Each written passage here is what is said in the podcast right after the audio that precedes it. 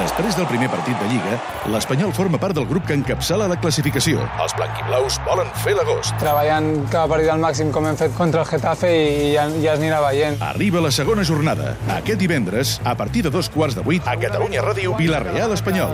Seguiu la transmissió amb la narració d'Ernest Macià, les entrevistes de David Ubach, l'anàlisi tècnica de Ricard Torquemada, les dades i estadístiques de Carles Domènech i tot coordinat per Albert Benet. També amb connexions amb Montsemir, que informarà de la Supercopa Catalana d'handbol que disputen el Granollers i el Barça a Blanes.